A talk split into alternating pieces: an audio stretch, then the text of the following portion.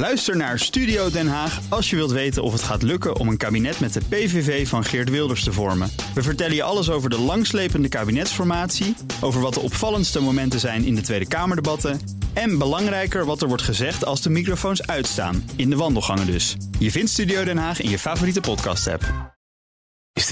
De column van Jaap Jansen. We moeten voorzichtig zijn, schreef het Centraal Planbureau twee weken geleden aan het kabinet. De grote groei van de Nederlandse economie is voorbij en uit de ons omringende landen steekt een gure wind op.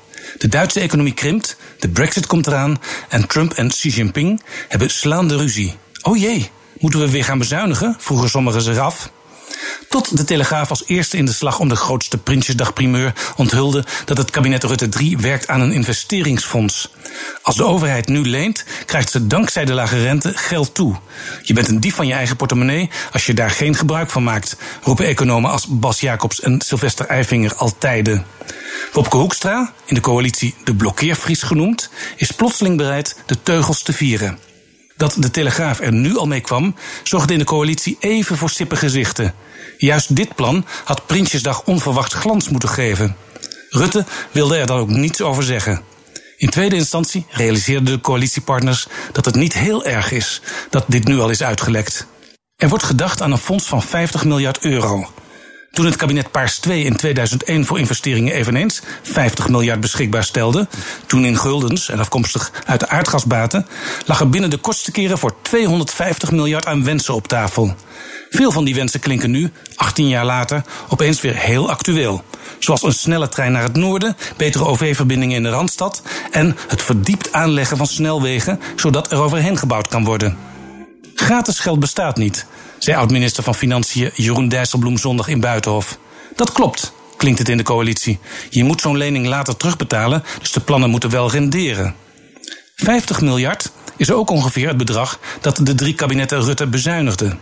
Het gekerm daarover kan nu mooi worden weggewist, hoor je in de wandelgangen van de macht. De VVD zal zeggen: dit kan nu allemaal dankzij negen jaar verstandig beleid van premier Rutte. Onderwijspartij D66 kan pronken met extra investeringen in wetenschap en innovatie. De ChristenUnie van landbouwminister Carola Schouten kan via Wageningen helpen die sector nog efficiënter en ook duurzamer te maken. En het CDA kan er het stempel Wopkefonds opzetten. Zelfs de oppositie profiteert mee. De Partij van de Arbeid kan als partner in Rutte 2 alsnog krediet opeisen als architect van het nu sterke Nederland. Dank u zeer, meneer Dijsselbloem.